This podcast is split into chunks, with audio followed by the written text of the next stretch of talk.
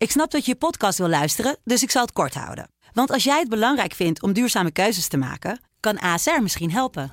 Nou hoor ik je denken, hoe dan? Nou, bijvoorbeeld bij het duurzaam herstellen van schade. Of de premies die we beleggen volgens ons duurzaam beleggingsbeleid. Dat bepaalt waar we wel en juist niet in investeren. Wil je meer weten over welke duurzame keuzes ASR maakt? Ga dan naar asr.nl slash duurzame keuzes. ASR doet het. Zo, dan kan je nu lekker naar je podcast luisteren. Dit is Kwestie van Centen, een podcast van de Financiële Telegraaf. Met Martin Visser en Herman Stam. moet eigenlijk weer een beetje wennen, Martin. Ik zie je weer in uh, levende lijven. Twee weken lang uh, uh, van elkaar gescheiden geweest. Ik ja. vanaf huis ingebeld. Jij hier Dit in heeft ook wel weer wat. prachtige podcaststudio. maar we zijn weer samen. Wel op grote afstand. Ja. Ik zeg niet dat ik mijn bril op moet zetten om je te kunnen zien. Maar het, is, het is de anderhalve meter die Ja, wordt voorgeschreven natuurlijk. Jij maakt het meer mee, ook met de optredens bij tv. Hoe gek dat eigenlijk allemaal is. Dit soort Ja, het voelt heel, heel het voelt echt, ik bedoel, het is, het is echt letterlijk afstandelijk. Dat vind Mm. ik sowieso hoor. Even de, de, de laatste tijd. Misschien hebben we het vorige week ook, ook al over gehad. Dat is echt heel raar. Ik bedoel, eh, het wordt, de- gaat nu natuurlijk steeds meer, hè. Bedoel, in de winkels ook. Mona Keizer riep eh, gisteren nog iedereen op, ga vooral shoppen. Nou, ik weet niet, die heeft natuurlijk helemaal geen tijd om in de winkel te komen, maar dat is echt gewoon niet leuk. Nee. Gisteren wat puzzels voor de kinderen gekocht om de tijd door te komen. Nou, je, ik bedoel, ja, je staat daar, je moet een mandje pakken die je moet desinfecteren. Je moet een grote bogelmakker heen lopen. Ja, dat voelt aan alle kanten inderdaad, ook bij zo'n tv-optreden als ik nieuwe mensen ontmoet, heel afstandelijk. En, eh, Ja. Dus ja, nee, dat is eh Geen een publiek in de zaal. Ja. Ja. Oh, de gordijnen gaan hier ook nog even dicht. Dat is heel goed voor het geluid. Eh, ja, ik ben ook blij, want eh, geen eh, piepjes op de achtergrond of deurbellen dat er weer een pakketje wordt bezorgd of Nee, kinderen precies, die ik op ja. afstand moet houden. Dus we kunnen ons even goed gaan concentreren. Ja, geluidskwaliteit zal deze keer niet aan, aan liggen. Dus nu de, nu de inhoud nog. Ja. Vind, je niet, vind je niet ook, je zei dat hè, over hoe dat gaat qua winkelen. Ik, wat mij wel heel erg opvalt, is dat mensen wel wat vriendelijker tegen elkaar. Het is wel meer op afstand, maar je krijgt Ja. allerlei knikjes en mensen proberen Zeker. toch een beetje een soort contact te zoeken. Dat, Ja, nee, je zit elkaar duidelijk met elkaar in hetzelfde schuitje. Bedoel, Mhm. dat merk ik ook. Ik heb ook ten, meer de neiging om de bezorger van Albert Heijn en dan even te vragen, gaat het een beetje? En eh, het is ook een beetje nieuwsgierigheid, want je hoort soms ook wel weer dingen. Ik had ook, ik bedoel, ja, want je ziet, je ziet de ondernemers natuurlijk, eh, eh, nou, ik woon op Eiburg, eh, de, de horeca-ondernemers die ook op zoek gaan van hoe, eh, hoe houdt tent toch een beetje draaien eh, nu, de, nu je er niet meer mag eten. ben je dus veel aan het bestellen bij ze? Nou, ik heb van het weekend inderdaad een keer, een keer besteld, ja. Dus eh inderdaad, voor mij gaat het hartstikke goed. Die waren heel blij met, eh, met eh, alle support. Ja, ik denk dat in, in alle wijken dat nu wel gebeurt. Ik zie dat veel meer mensen zie ik dat doen die bewust bij de lokale horeca toch nog dingen bestellen. En eh, ja, nee, we- dus eh, voor, voor mij, ik, ik, ik, ik heb dat gevoel ook. Ja, je, zit, je maakt met z'n allen eh, hetzelfde mee. Dus het is een beetje aftasten en eh, Mhm. van hoe, hoe vul je dat in? En, en eh, het is heel raar om bewust met een enorme boog om elkaar heen te lopen. En dan heb je misschien extra neiging om elkaar even vriendelijk aan te kijken. Het is niet persoonlijk bedoeld, maar ik moet afstand houden tot jou en jij tot, tot mij. En ja, nee, dat is wel bijzonder. Ja, nou is het hier een hele lege redactie, maar dit is wel een hele fijne dag. Nou, laat ik ook voor mezelf spreken om hier wel te zijn, want eh, er moeten dan grafieken worden gemaakt voor de zaterdagkranten. Het is gewoon handig als je dat met een paar ogen kan eh, bekijken. Ja. Eh, nou ja, wat bijvoorbeeld deze week, wat je zelf hier, jij was wel op de krant aan het werk, toen heb je de CPW-cijfers natuurlijk zitten berekenen. Ja, daar wilde ik eens mee beginnen met die scenario's. Dat is een heel gepuzzel was het voor je, om nou te zien hoeveel miljarden aan begrotingstekort dat ook oplevert. Ja. Eh, even in mijn eigen woorden samengevat. Je krijgt eigenlijk vier eh, scenario's die het Centraal eh, Planbureau voorschotelt Ja, in de coronacrisis. Eh, eh, je krijgt heel veel nieuws krijg je op je af hè, in, deze, in deze weken. We hadden het al even voordat we deze uitzending begonnen over van nou soms wordt het een beetje te veel. Dan sla ik hier nek of op één maar eens even over. Omdat de hele dag dat nieuws dan is. Maar schrik je, schrik je van zo'n CPB-schrijver maakt het dan nog extra impact voor je. Dat je denkt van jeetje, maar dit is wel even ja nou toch wel. Kijk, je zag nu de afgelopen tijd al dat er steeds meer analisten zeiden van dit gaat heftiger worden dan de kredietcrisis. Ehm, eh, qua krimp van de economie. In andere opzichten misschien niet per se eh, heftiger. Vandaag zei Klaas Knot het ook, president van de Nederlandse Bank. Die zei van de, de, de, de, de val van de economie is misschien wat dieper.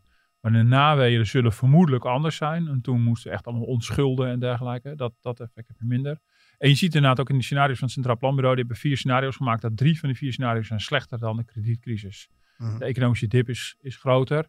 En, dan, de, en de meest extreme scenario's komen ook uit op een werkloosheid die ook veel hoger is dan toen. Zelfs hoger dan in begin jaren tachtig, toen we massawerkloosheid hadden. Ja. Eh, maar goed, dat is een scenario, eh, eh, dat heb ik maar voor het gemak het rampenscenario genoemd.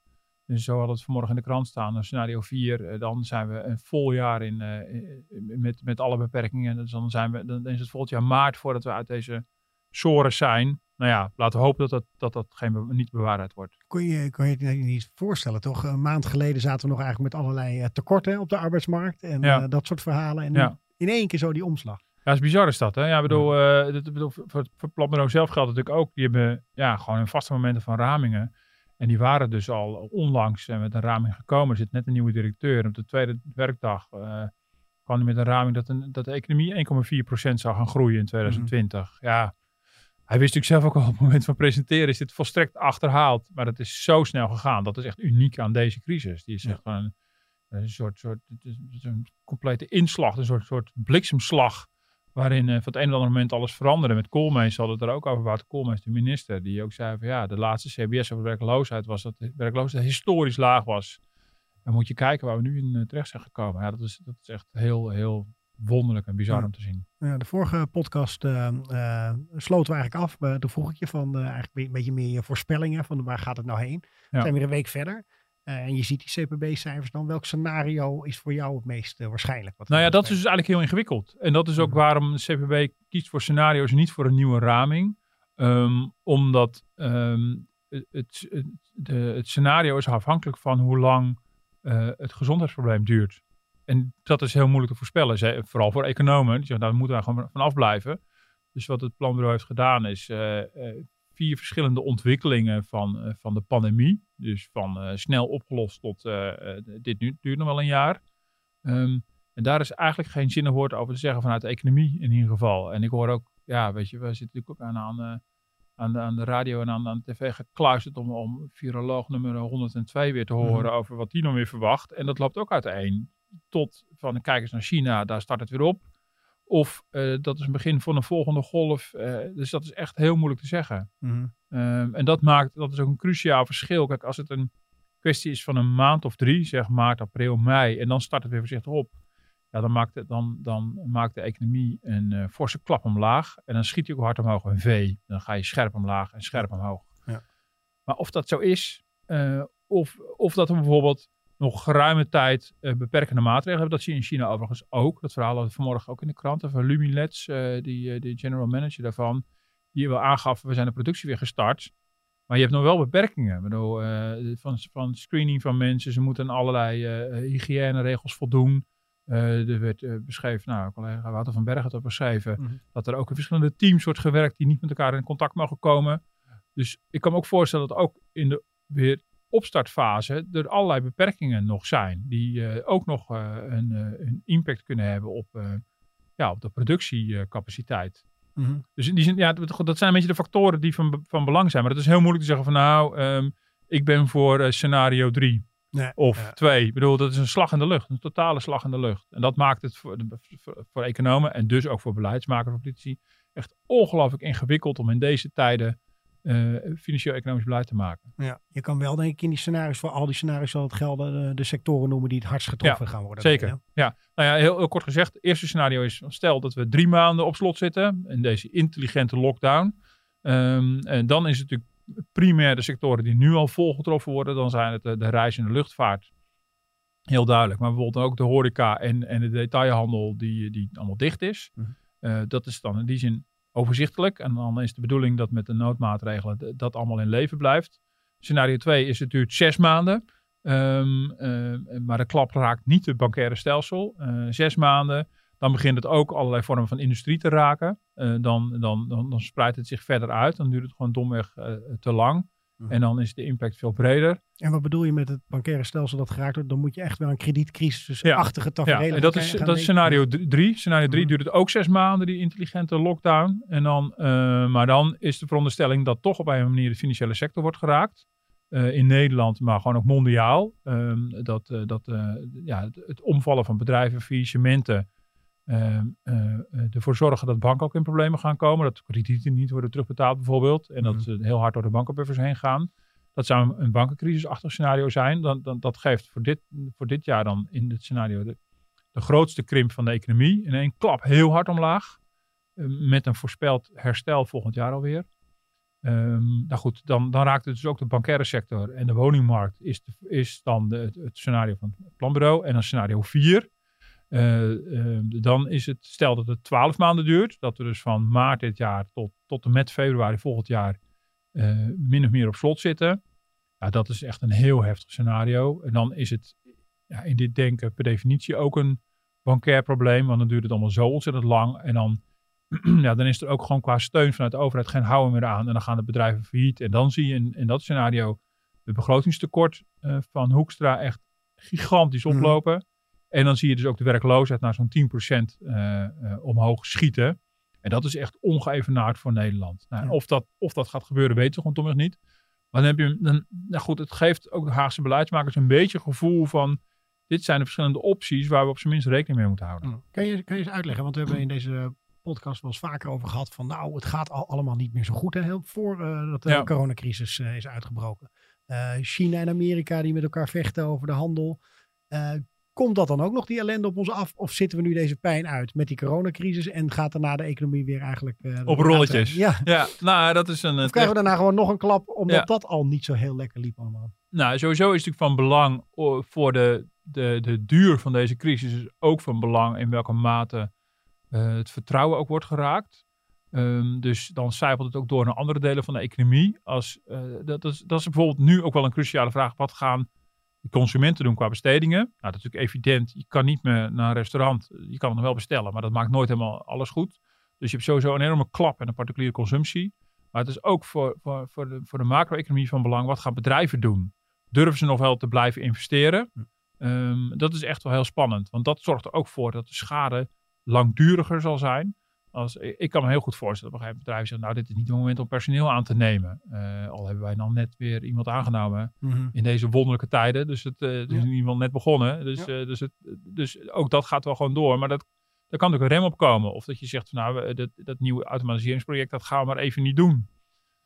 machine, uitbreiding. Dat, kijk, zodra bedrijven begrijpen massaal de rem zetten we investeringen dan is de schade ook langduriger en dieper. Ja. En dan daarbovenop heb je nog een keer, en daar vroeg je natuurlijk naar, de spanningen die er al waren. Ja, die zijn aan het eind van de rit natuurlijk niet zomaar weg. Bedoel, hoe gaan China en Amerika hier samen uitkomen? Wat nou, is er de... wordt heel wat heen en weer uh, gebekvecht nog, ook nou ja. de corona, uh, coronacrisis. Nou ja, en ik bedoel, wat ook, ook al heel moeilijk voorspelbaar is, wat is de impact van deze coronacrisis op de verkiezingen in Amerika? Mm -hmm. nou, uh, nou, wie het weet mag het zeggen. Um, ja, voor, voor, voor sommige mensen is nu definitief duidelijk dat Trump een onbekwame leider is. Maar ik, ik durf erom te wedden dat, zij, dat een groot deel van zijn achterban uh, nog steeds in zijn, op zijn minst, zijn manier van doen en zijn stijl gelooft. Mm -hmm. um, uh, dat is ook, maar goed, dat is ook nog een vraag. Amerika versus China. Uh, Trump noemde het al eerst een Chinees virus en toen werd het weer ja. gesust. En je zit natuurlijk ook in zo'n handelsoorlog-achtige situatie. Dat is natuurlijk allemaal niet weg. Dus, uh, uh, nou goed, uh, de, de, het epicentrum van, van, de, van het virus heeft zich ook gaandeweg natuurlijk over de wereldkaart verplaatst. Bedoel, tot voor kort waren wij het epicentrum, nu is de VS dat al. gaat, gaat China snel herstellen, ja of nee? Ja, ik, ik, ik, werp eigenlijk vooral vragen op, want een antwoord heb ik allemaal niet. Mm -hmm. En, en dan is de langdurige trend, dat is dan weer even meer macro-economisch, is dat we natuurlijk in een samenleving zitten die, die vergrijst, waar de arbeids, arbeids, arbeidsproductiviteit, ik krijg het bij mijn bek niet uit, mm -hmm niet meer zo hard stijgt als die in, in, in heel welvarende jaren heeft, uh, heeft gedaan. Dus, dus sowieso zaten we al op een hele matige economische groei. Ja, dan komt deze klap gewoon extra hard aan. Nou ja, de brexit. Um, Hoor je bijna niks meer over op dit moment? Uh, nee, Boris Johnson heeft nu zelf corona. Ja. Dus heeft misschien andere zorgen dan, uh, dan de brexit. En uh, um, nee, ja, maar ik bedoel, dus, dat is natuurlijk bizar. Ik bedoel, eigenlijk is het allemaal naar de achtergrond verdwenen. Mm -hmm. Maar al die spanningen en die, en die problemen die er economisch waren, die zijn natuurlijk niet, ja. die zijn natuurlijk niet weg. Ja. En gaat het dan niet helpen? Je leest ook wel eens dat de economen zeggen van ja, maar je gaat nu juist een veel uh, snellere piek, want mensen willen dan weer uit gaan geven en die zijn er helemaal ja. zat met die uh, quarantaines. Ja. ja, nee, zeker. Dat zal ook wel, dat zal ook wel zo zijn. Dat zie je ook in die voorspellingen wel terug. En dat is op zich ook wel logisch. Dat is inhaalgroei. Bedoel, zeker. Maar dat, dat, bedoel, dat is natuurlijk heel fijn. Maar dat is een normale, normale reactie. Dat hebben we ook gewoon na de vorige crisis ook wel gehad. Dat je een periode hebt van inhaalgroei. Uh, het is niet zo dat je alles in kan halen. Um, je kan misschien als je meivakantie niet doorgaat zeggen, nou ik ga, ik ga in de herfst. Dan, dan haal je dat in. Dan ga je misschien alsnog twee, jaar, twee keer op vakantie dit jaar. Andere dingen haal je niet meer in. Ik bedoel, de, de, KLM kan natuurlijk van zo lang als leven niet meer al die vluchten inhalen. Bedoel, ja, ze mogen blij zijn dat we op een gegeven moment de vluchten eh, op een zeker moment weer, eh, weer, weer op, op, op 100% zitten. Mhm. Eh, maar er is altijd een bepaalde mate van inhaalgroei, zeker. En hoe korter de crisis duurt, hoe sneller dat op, optreedt. En dat is natuurlijk een beetje stiekem de hoop vanuit de politiek ook. En zo zijn die steunmaatregelen ook ingericht van... We gaan allemaal, eh, eh, we- bevriezen de situatie en we hopen dat snel weer ontdooit. Klaas Knot noemde dat eh, vanmorgen een winterslaap. Dat zou het Mhm. mooiste zijn. Stel dat. Bedoel, dan gaan gro- grote delen van de economie, ING schat op ongeveer 20% van de economie die nu stil ligt, gaat in een soort winterslaap. En die wordt met een soort infuus wordt die levend gehouden door, door Wouter Koolmees. En dan als de winterslaap eh, voorbij is, dan ontwaakt iedereen weer. En dan gaan we weer door waar we gebleven waren. Ja, dat, ja als dat toch eens waar mag zijn, dan zou ik Mhm. persoonlijk ook heel, heel erg naar snakken. Nee, ja. En dan ga ik gewoon weer lekker uit eten met gezin. En, eh, maar iets zegt mij dat dat, dat, dat niet zo zal zijn. Eh, dat, ik, ik, ik durf dat bijna niet meer te geloven. Ja. Ehm, wat ook belangrijk is in dit verhaal, is hoe diep zijn die zakken van minister Hoekstra? Je noemde hem al eventjes. Ja, Eh, want het zijn nogal steunmaatregelen. Ja. Iedereen ontvangt dat volgens mij eh, nou eh, vrij positief. Van joh, Ja, wordt goed zeker. uitgepakt. Maar ja, dat is voor precies wat je zegt, een paar maanden. Maar daarna en bovendien van kunnen we het eigenlijk allemaal wel betalen, dit soort maatregelen. Ja, daar is iedereen vrij optimistisch over. Dat vind ik echt opvallend. Ook in de, in de raming van het planbureau zie je dat de staatsschuld uiteindelijk maar beperkt oploopt.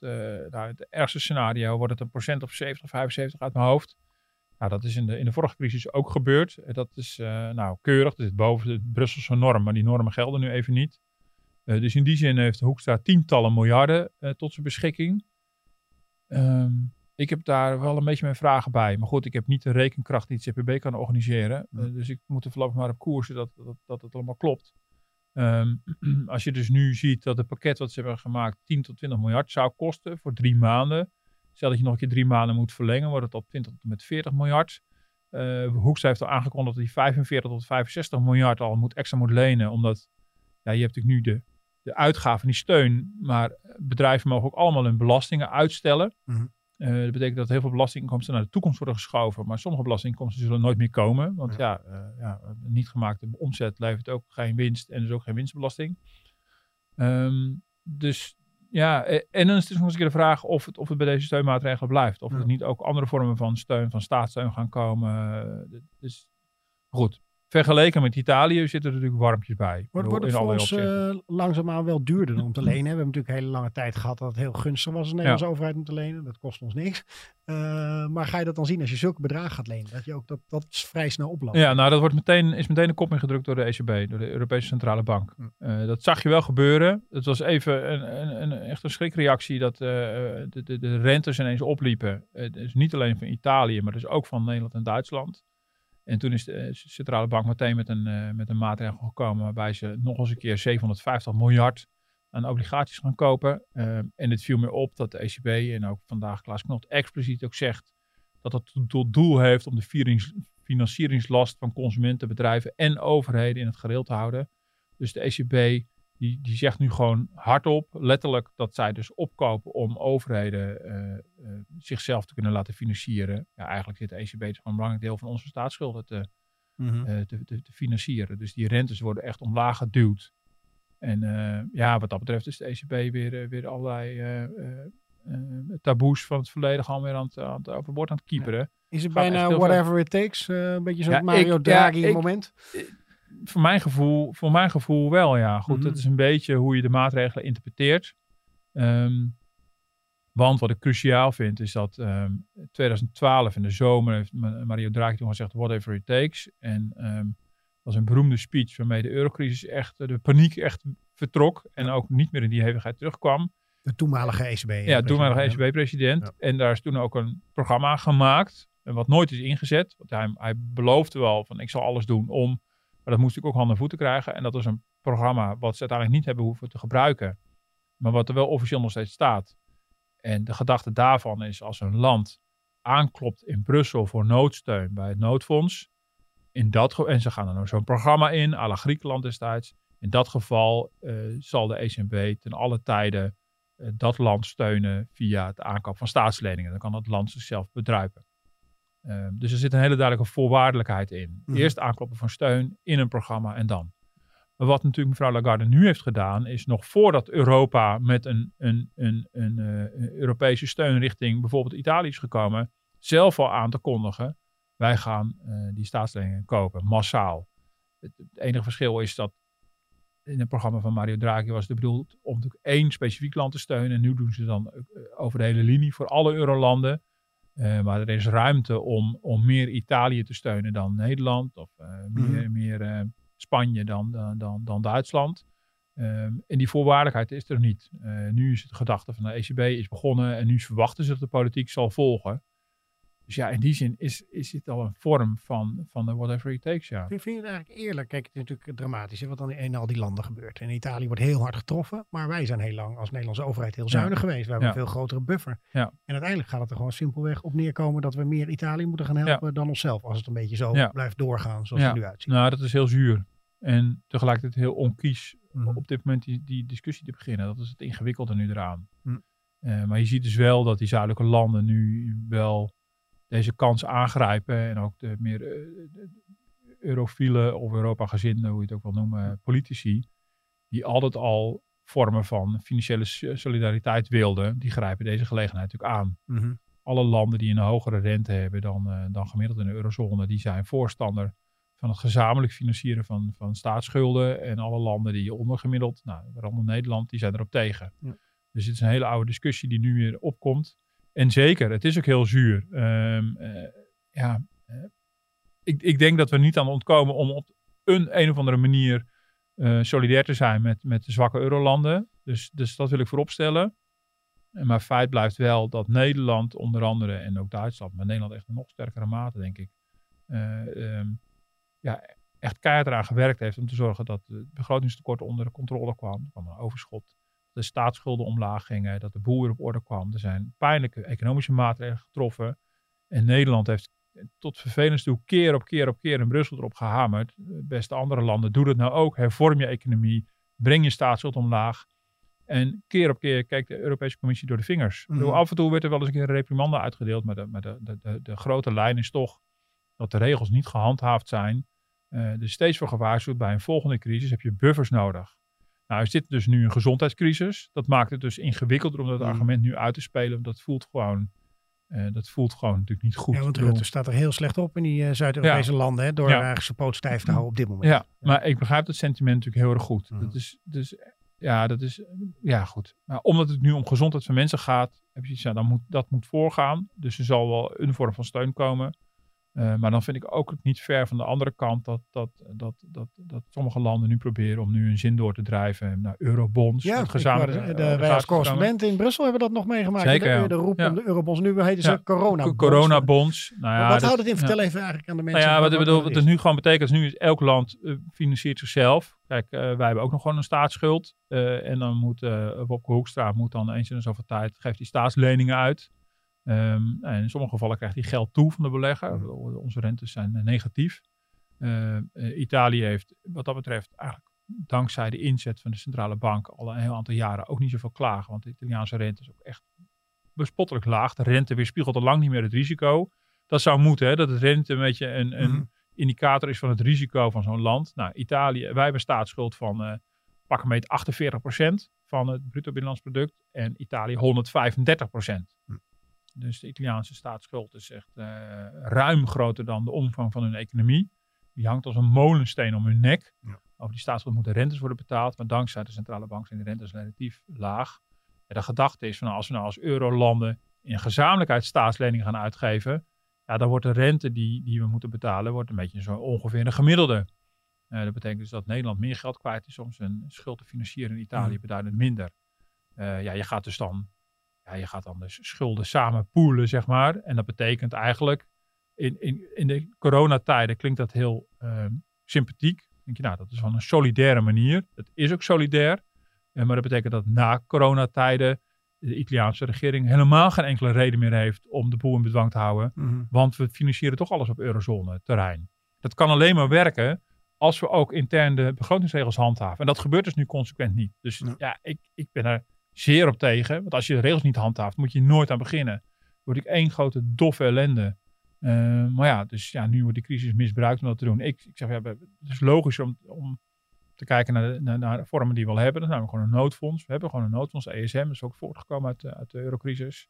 Eh, geef Italië lening daaruit. Maar dat willen ze, ja, ze willen wel een, eh, een soort kredietlijn. ehm, eh, maar niet, eh, ja, dat wil ik moet ik niet te ingewikkeld maken. Mhm. Ze willen dus wel geld uit het fonds, maar ze willen kost wat voor kost voorkomen om in zo'n Grieks programma te komen. Dus dan zie je al, Met alle controles erbij. met alle controles. En dat begrijp ik ook wel. Daar zit je nu niet op te wachten. Maar feit is natuurlijk wel dat het land natuurlijk even los van de corona natuurlijk niet op orde was. De economie was niet op orde. De staatshuishouding was niet op orde. De financiën waren niet op orde.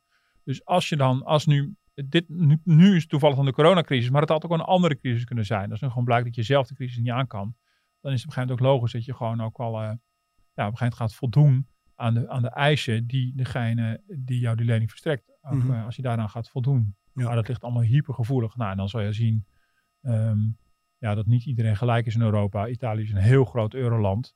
Dus die zal waarschijnlijk nooit in een Griekse situatie komen. Laat staan een Cypriotische, die helemaal eh, ehm, door een mangel zijn gehaald eh, Mhm. destijds. Dus je zal zien dat op een manier Italië steun krijgt zonder hele harde voorwaarden. Ja. En dat is voor Nederland is dat heel zuur. Heel zuur. Even terug naar die, die Nederlandse situatie. Want je krijgt eh, verkiezingen eh, volgend jaar eh, maart. Onze staatsschuld gaat ook ongetwijfeld een stuk oplopen. Dan moet je het eigenlijk weer gaan hebben van nou, hoe houden we dat huis op orde? Waar gaan we op bezuinigen? Ja, En loop eens een beetje vooruit op die discussie als je wil van hé, hey, wat, wat, wat zie jij? Wat, wat denk je dat er gaat gebeuren? De- ja. Nou, Gaat het alleen maar daarover denk je sowieso de hele verkiezingen? Want Nou, zijn- ik denk wel, ehm, ik denk dat het een heel belangrijk component gaat worden, want het kleurt om te beginnen natuurlijk al alle verkiezingsprogramma's. En Mhm. eh, nou, ik heb gisteren bij het CPB nog even nagevraagd om wat voor, voor bedragen we dan orde van grootte in die scenario's. Ik had het zelf uitgerekend en ter accordering voorgelegd. En toen had ik iets, ja, van mij klopt het niet helemaal. Want ik kom erop uit dat, eh, dat eh, het begrotingstekort in het ergste scenario op kan lopen tot 75 miljard. Dus ik denk, ik check het toch even, want heb ik niet een komma verkeerd gezet Mhm. of zo. Maar dat bleek dus wel te kloppen. 75 miljard in het ergste geval Mhm. zou volgend jaar het begrotingstekort kunnen oplopen. Nou, die orde van grootte, dat is, dat is ongekend. Ja. En dan is de staatsschuld nog wel beheersbaar. Dus, dus in die zin, eh, maar goed, als het, het, het CPB heeft voor dit en volgend jaar gekeken. Als je, natuurlijk- als je het begrotingstekort niet snel wegwerkt, dan loopt die staatsschuld er nou ook Ja. heel hard op. Dus ik, ik, ben, ik deel het optimisme over de schuld niet. Maar goed.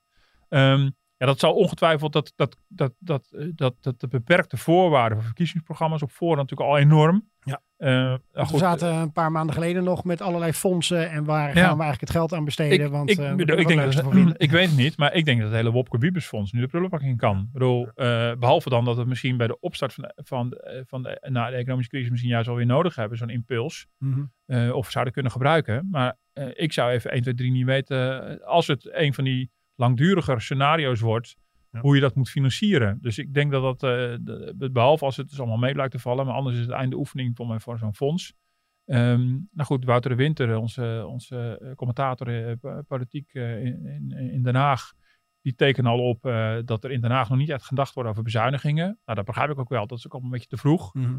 Maar ik denk dat het op een gegeven moment nog niet anders kan. Ik bedoel, eh, eh, ja, en, en de afgelopen jaren ging het vooral over waar kunnen we extra geld gaan uitgeven. En nou, volgens mij is het onvermijdelijk dat het de komende jaren, als dit lang gaat duren, vooral over gaat van waar moeten we geld vandaan halen. Ja. En eh, dat wordt wel En belastingverhogingen moet je nu niet meer aankomen. Bijvoorbeeld ja, voor bedrijven nee, als ze al dat is- eh, zo dat is nog eh, wel- ik bedoel, slecht dus- weer zitten. Nee, dus best wel, in dat opzicht is het wel lastig voorspellen waar je dat nu moet gaan halen. Kijk, je, ehm, eh, ik denk dat een aantal beroepsgroepen in Nederland een hele sterke troefkaart in handen heeft om bezuinigingen eh, te ontlopen. Eh zijn er de vitale beroepen. Dat Zijn is- wij ook heel dat journalisten? zijn, dat zijn wij ook. Zo voelt het daar niet hoor. Maar Zeker, wij zijn ook, we zijn ook vitale eh, beroepen. We staan in ieder geval op het veel lijstje. belangrijke beroepen, begrijp ik. Zeker. En ik denk dat ook wij niet dan eh, voor de rij terecht zullen komen. Maar, ehm, maar als, je bedoel, kijk, als je kijkt van eh, wie op Malieveld heeft gestaan de afgelopen tijd. De politieagenten en eh, nou, ik weet niet of die precies echt op Malieveld, maar in ieder geval Mhm. gedemonstreerd hebben. En de zorgmedewerkers, verpleegkundigen. En eh, het onderwijs, de leraren. Ja, ik bedoel, eh, eh, met, met rechte reden kunnen die zeggen van ja jongens, bedoel, hierom hebben we de hele tijd geroepen van eh, eh, let op ons, geef ons Ja. meer salaris, geef ons meer armslag, kijk eens naar de tekorten. Ja, ik denk wel dat daar, kan de politiek nu voorlopig niet meer aankomen. Mhm. Sterker nog, daar moet misschien nog wel een financiële impuls naartoe. Eh, nu wordt ook duidelijk hoe, hoe cruciaal die, eh, die beroepsgroepen zijn. Al die ouders die thuis gillend gek worden omdat ze hun kinderen les moeten geven, die denken nu, ja, dat is toch ook wel wat waard. Ja, dat er goede docenten voor, de, voor de klas staan. Toch? Zeker. En, eh, en in de zorg natuurlijk. En ja, daar applaudisseren we nu iedere week een keer voor, geloof ik. Mhm. Dus, dus, nee, dus, dus daar kan je het dan niet zoeken. Dus het wordt best wel een hele puzzel waar je dan... eh, want ja, 75 miljard, als dat het begrotingstekort wordt. Nou goed, dat is het ergste scenario. En het op één ergste scenario heb je het over eh, 45 tot 50 miljard. Dat zijn toch ook wel gigantische bedragen. Mhm. Als de economie weer snel gaat draaien, loopt het ook weer automatisch af. Hè? Want dat, dat, dat is natuurlijk ook weer zo. Ehm, eh, dan loopt het ook weer snel omlaag. Ehm, maar ja, ik, ik, ik ben heel benieuwd. Waar, waar, waar moet je het gaan zoeken? Mhm. ehm, als, je- als je zorg en, en onderwijs, ja, daar gaat niemand natuurlijk willen bezuinigen. En je wil het ook niet kapot bezuinigen lijkt me, want je wil Nee. juist die groei een beetje aanjagen. Ja, dat denk ik is, ook. eh, dus, dus dat wordt wel eh, ja. ingewikkeld. Dus idealiter zou je het via de groei moeten doen. Dat door, Mhm. eh, door flinke economische inhaalgroei de belastinginkomsten allemaal weer oplopen. En dat je daardoor het tekort weet weg te werken. Maar dan hangt een beetje. Dan heb je ook dat doorkijkje nodig voor langere jaren. En dat zal, dat zal op een gegeven moment bij de doorrekening van het verkiezingsprogramma natuurlijk ook wel komen. En dan is het natuurlijk inderdaad wel van belang. Bedoel, en ga je het in een sociale zekerheid doen? Ja, ook niet direct natuurlijk. Mhm. Dus dat wordt wel ingewikkeld. Nou, dan zullen partijen zijn die het heilige huisje van eh, de publieke omroep tevoorschijn halen. Nou, ik heb niet paraat wat de publieke omroep helemaal totaal kost. Maar dat is, ja, ik denk in het licht van zulke bedragen natuurlijk eerder symbolisch dan, Mhm. dan dat je zegt, nou daarmee hebben we in één keer het hele gat gedicht. En dat geldt natuurlijk ook met dingen als ontwikkelingshulp of eh, de Europese begroting. Die, die zijn principieel natuurlijk allemaal, Ja, zijn wat het ook nog een heel debat wordt. Ja, dat nu zeker, ja. speelt, Waar Ja. eh, meer van Nederland gevraagd wordt. En, Ja, eh, wat Maar dat zijn natuurlijk niet, dat zijn op, de, op het totaal, zijn dat, eh, dat zijn natuurlijk wel principieel punten. En dat zijn ook wel punten waar de politieke partijen zich kunnen onderscheiden. Mhm. Maar die zijn natuurlijk niet van een omvang waarmee je zulke gaten dicht. Nou, wat, wat hebben we gedaan in, na de vorige crisis waarvan jij zegt van nou dat vond ik nou echt een goede maatregel waar je nu weer naar zou kunnen kijken? Wat, eh, Eh, om de boel op orde te krijgen. Ja, nou, goede- mijn grote kritiek op de vorige crisis is dat we heel veel belastingverzwaring hebben gedaan. Dus in die Mhm. zin hebben we dat hebben we wel, uiteindelijk is het plaatje wel goed geweest, maar de manier waarop eigenlijk nog helemaal niet. Mhm. Dus misschien zit de, de- in die zin de vorige sanering ons nu ook wel een beetje in de weg. Eh, want we waren er net een beetje bezig om weer wat lastenverlichting uit te delen. Mhm. Dat was ook echt wel een soort herstel van, eh, van de vorige keer. Dus dat is nog best wel, eh, best wel ingewikkeld. De- Wat je ziet wel, de, eh, de, eh, de ambtenarij is natuurlijk wel in bezuinigd. Eh, defensie, dat is weer teruggedraaid. De Mhm. zorg is weer teruggedraaid. Ja, dus, dus het blijkt wel echt wel heel moeilijk om echt ergens heel rigoureus te bezuinigen. Dus Ja. dat is nog niet zo eenvoudig. Nou, wat wel goed is geweest, is natuurlijk dat er wel gekeken is naar de AOW en hypotheekrenteaftrek. Van, kan dat niet anders? Dat moet voor de toekomst toch echt beter. Eh, maar dat zijn vooral maatregelen die, die, die vooral echt groot geld opleveren voor de verdere toekomst. Eh, en vooral ook de boel toekomstbestendig houden in, in plaats van dat ze meteen heel veel geld opleveren. Daarom wordt altijd naar die lastenverzwaring gekeken. Ja, gooi nu de BTW omhoog en het geld loopt meteen binnen. Ja, nu dan even niet, want die winkels zijn dicht. Maar eh, normaal gesproken. Ja. Ehm, dus dat is wel, ehm, ja, ik, ja misschien, misschien krijg je daardoor ook wel, ook wel gewoon een wat, wat principiëler en puurder politiek debat over wa- wat vinden we dat we als overheid nog collectief moeten doen. Bedoel, misschien moeten er her en der nog wat rigoureuzere keuzes in worden gemaakt. En dat zou dus ook wel, wel degelijk dus een bepaalde inperking van sociale zekerheid kunnen zijn. Of, eh, maar ja, dit lijkt me ook weer het nieuwe moment om te zeggen van we gaan Mhm. het zorgpakket zitten snijden. Eh, Mhm. ja, dat zijn wel vrij principiële keuzes. Ja.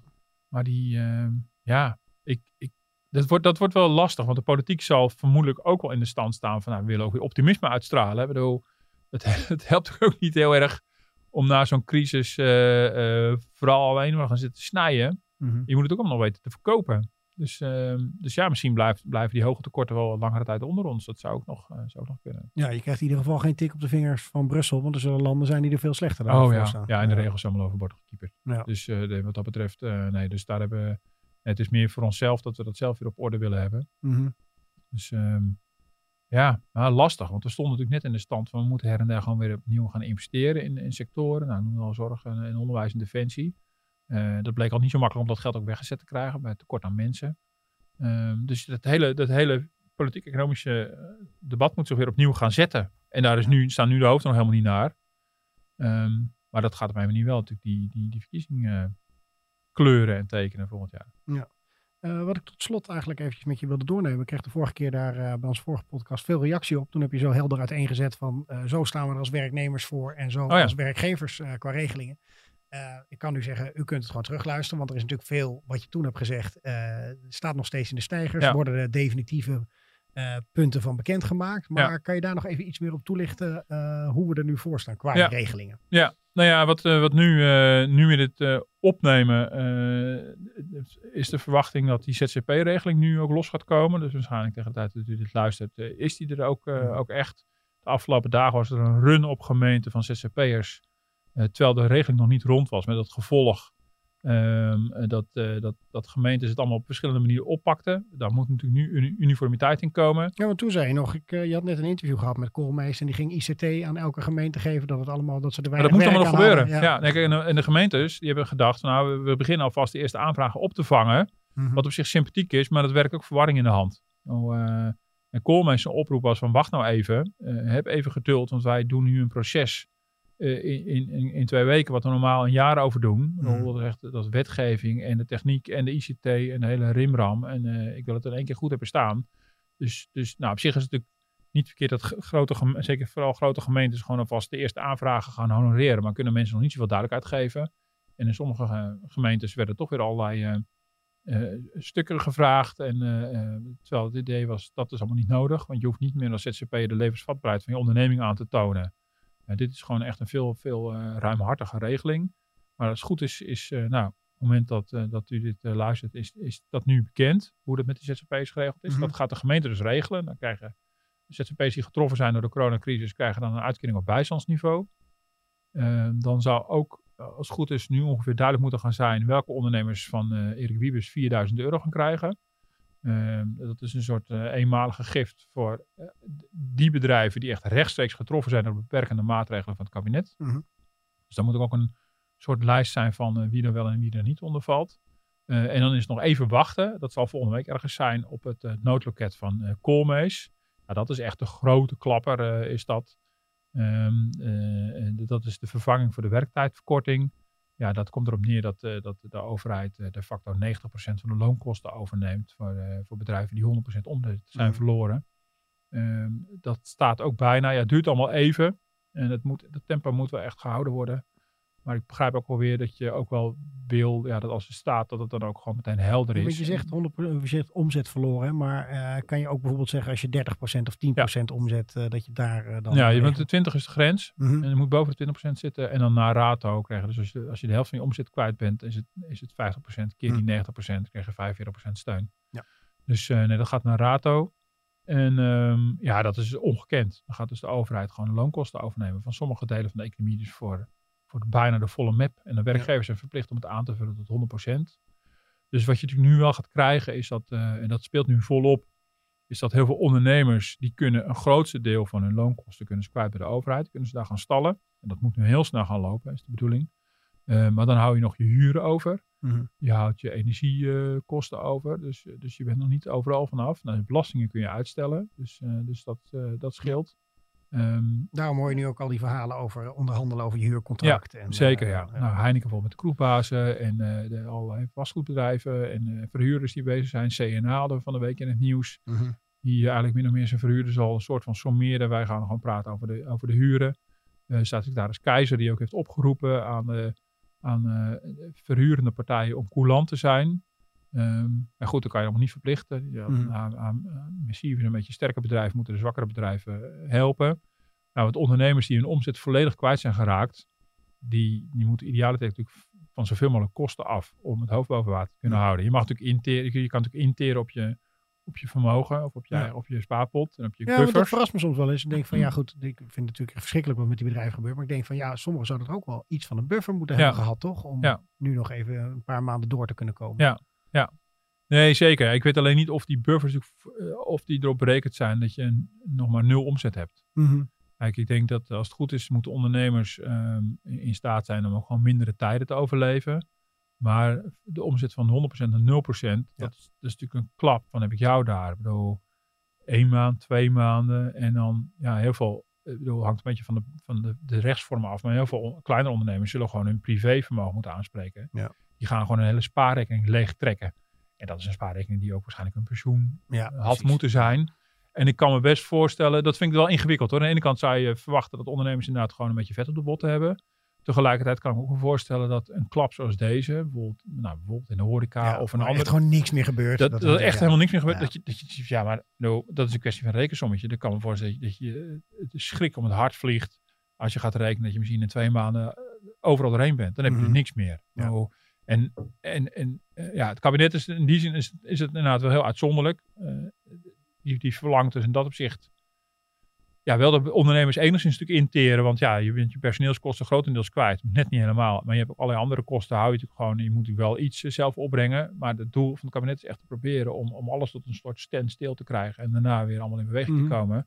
En dan mag je de draad gewoon weer oppakken om zo min mogelijk schade te hebben. Dat is natuurlijk uitzonderlijk. Want normaal gesproken zou je zeggen, beste ondernemer, zing het eerst drie maanden zelf maar uit. En daarna mag je aankloppen. Is, dit, is, dit is een crisis van een heftigheid waar een heel ander soort maatregel bij past. Maar dat, dat toont ook wel aan hoe bijzonder het is. En ik me ook afvraag van hoe lang gaan we dat ook als overheid blijven doen? Bedoel, Dat doen we dan drie maanden, en dan doen we dat zes maanden, negen maanden. Gaan we dan, stel in het extreme geval van, van het planbureau, gaan we dan hele sectoren twaalf maanden lang in leven houden? Ja. Hoe, hoe ziet dat eruit? Nou, En- volgens mij heeft minister Hoekstra wel gezegd van faillissementen zijn ook niet uit te sluiten. In dit Nee, dat gaat op een gegeven moment wel gebeuren. Ja. En, eh, eh, maar dat willen ze natuurlijk wel heel graag voorkomen. Je, Mhm. steekt heel, je steekt er heel veel geld in.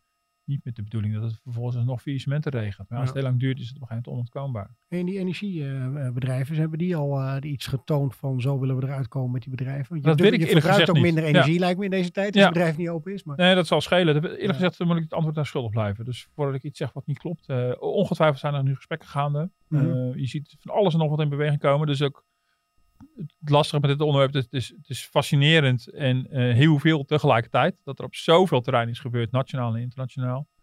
Ehm, en daardoor voor mij zijn er overal volop gesprekken gaan. Ja. Ik sprak ook ondernemers die zeiden van, nou, ik moet heel snel die regeling van koolmees aanvragen. Dan met mijn verhuurders aan de slag.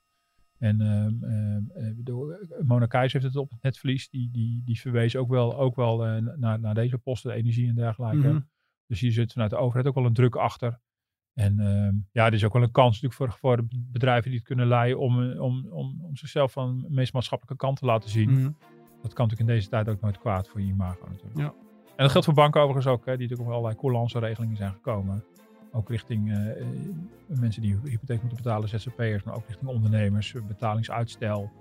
Ehm, ja, dat is echt wel een bijzonder experiment dat we allerlei betalingen nu allemaal naar de toekomst gaan schuiven, die misschien straks wel alsnog allemaal moeten plaatsvinden. Dus dat moet zich allemaal daarna wel weer een beetje gaan, gaan zetten en dan Mhm. hopen dat, eh, dat alles weer vanzelf zijn pootje terechtkomt. Dankjewel. Het was fijn om weer eh, gewoon eh, zo live elkaar te kunnen horen. Ja, zonder allerlei piepjes en alles. gewoon in deze studio. Gaan we volgende week ook weer proberen. Blijf ons ondertussen mailen op podcast.dft.nl. En beluister ons op Spotify, iTunes of gewoon via onze eigen website www.dft.nl. Tot volgende week en dankjewel Martin. Ja, tot de volgende keer.